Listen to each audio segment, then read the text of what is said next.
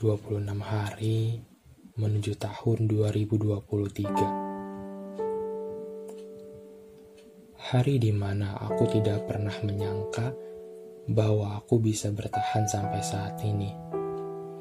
Di detik ini juga. Enggak kerasa ya, 2023 sudah tinggal menghitung hari lagi. Rasanya kemarin baru memulai tahun 2022. Rasa-rasanya banyak sekali resolusi dan harapanku di tahun lalu yang sampai saat ini belum terwujud. Halo, gimana kabar kalian? Gimana? Perasaan kamu hari ini. Aku minta maaf ya, kalau hidup tidak berjalan sesuai rencanamu. Aku minta maaf ya, kalau tahun ini banyak sedihnya. Lewat podcast kali ini, aku akan menemani kalian dalam ruang-ruang kesendirian dan podcast kali ini, episode kali ini, aku dedikasikan untuk kalian semua yang mendengar suara ini.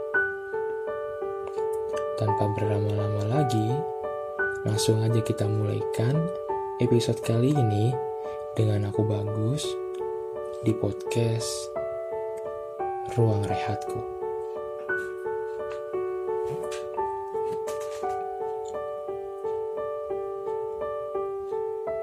Kalau kamu dengar suara ini, itu tandanya kamu sedang tidak baik-baik aja kan? Atas nama semesta, aku meminta maaf jika banyak waktu yang kamu perjuangkan. Maaf banyak kecewa yang belum mereda. Maaf kalau bahagianya tidak kunjung tiba. Hidup memang terkadang tidak seindah kelihatannya. Hidup bukan tentang membandingkan kelebihan dan kekurangan, tetapi menemukan jalan untuk bisa menyempurnakan. Hidup juga bukan pula tentang benar dan salah, bukan pula menyalahkan sebuah kebenaran ataupun membenarkan sebuah kesalahan. Hei, kamu lagi capek ya? Terima kasih untuk terus kuat ya. Berhenti dulu ya scroll sosial medianya. Kamu perlu mengistirahatkan lelah. Hidup emang mengajarkan banyak hal ya ada yang bikin lebih dewasa, ada yang ngasih pengalaman baru. Hei, aku tahu dunia keras memperlakukanmu. Seakan sudah di, seakan sudah dipukul habis, ditampar kenyataan hidup, lalu diterjang ombak pula kamu boleh keras sama kehidupan, tapi tolong jangan keras sama diri sendiri ya. Gak apa-apa kalau kamu mau nangis. Jika itu bisa membuatmu lebih baik, take your time. Buat istirahat sebentar.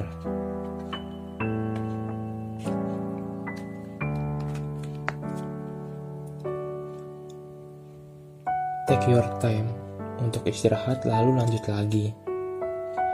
Jika diibaratkan sebuah gelas yang diisi air, lalu kamu memegangnya. Jika kamu memegangnya terlalu lama, itu akan membuatmu sakit. Sesekali letakkanlah gelas itu di meja sebelum kamu angkat kembali.